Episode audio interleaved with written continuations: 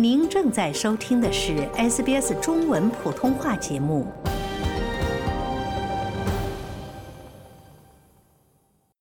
西澳大利亚州部分地区或迎来异常的高温，可能超过五十摄氏度，而东部则会因创纪录的湿度变得闷热潮湿。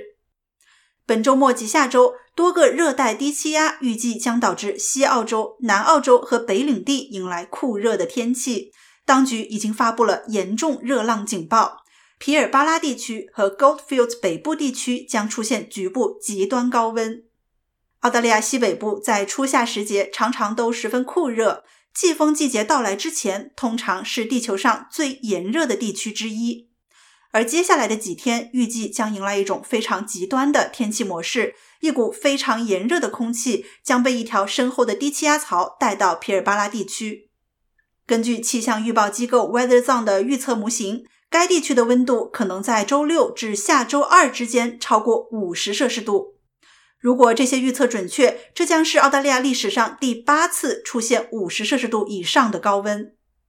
任何超过五十点七摄氏度的温度都将刷新澳大利亚最高官方温度记录。该记录曾在皮尔巴拉地区的城镇奥斯洛于二零二二年一月和去年的一月各创下一次。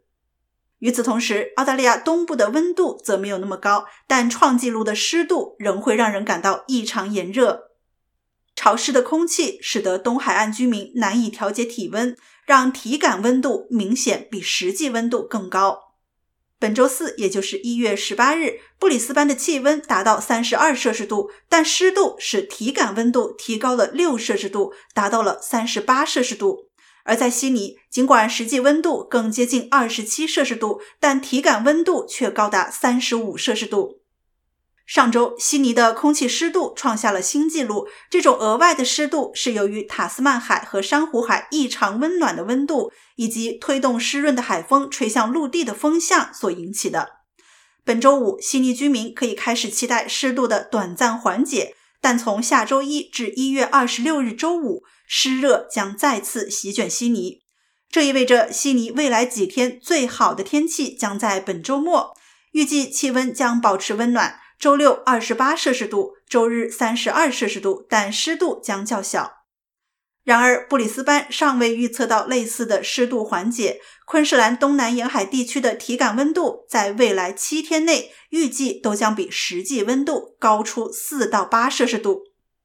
昆士兰州全科医生钟嘉怡表示，高温天气会大大增加心脏、肾脏负荷，严重的中暑还可能会让人意识模糊、四肢抽搐、呼吸与心跳加速，从而可能导致心脏病发作，或者是肾脏、肝脏。肺部及脑部等器官的多功能衰竭，从而导致死亡。从我们那个体温到三十八、三十九度左右呢，我们就会出现那个 heat exhaustion 热韧疾啊，我们也会感觉那个头晕、疲倦、大汗，或是口渴，然后注意力没有那么容易集中。嗯。然后到我们体温到四十到四十二度左右呢，我们就会出现那个 heat stroke 啊，中暑，然后就会有分泌，意识很模糊，或是那个四肢就会抽搐啊，没有汗，然后呼吸跟心跳都会加速。他建议避免在一天最热的时候前往户外，在酷热天气当中也要随时补充水分。一旦出现热应激或中暑的症状时，则需要立刻处理，切勿耽搁。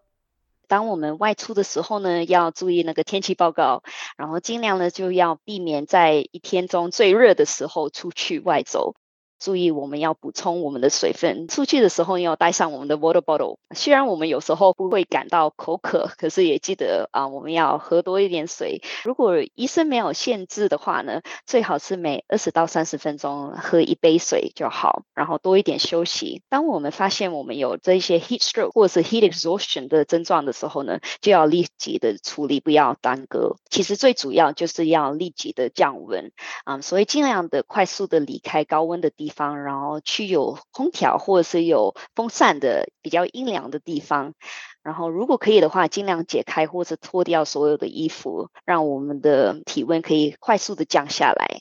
然后用任何可以降温的方法，for example，我们尽量的冲澡啊，或者是泡冷水澡，或是洒冰冷的水在皮肤或是衣服上面，或者是用冷水擦身，然后放一些冰袋在我们的颈椎或者是在我们的身体上面。喜欢、分享、评论，欢迎您在 Facebook 上关注 SBS 普通话页面。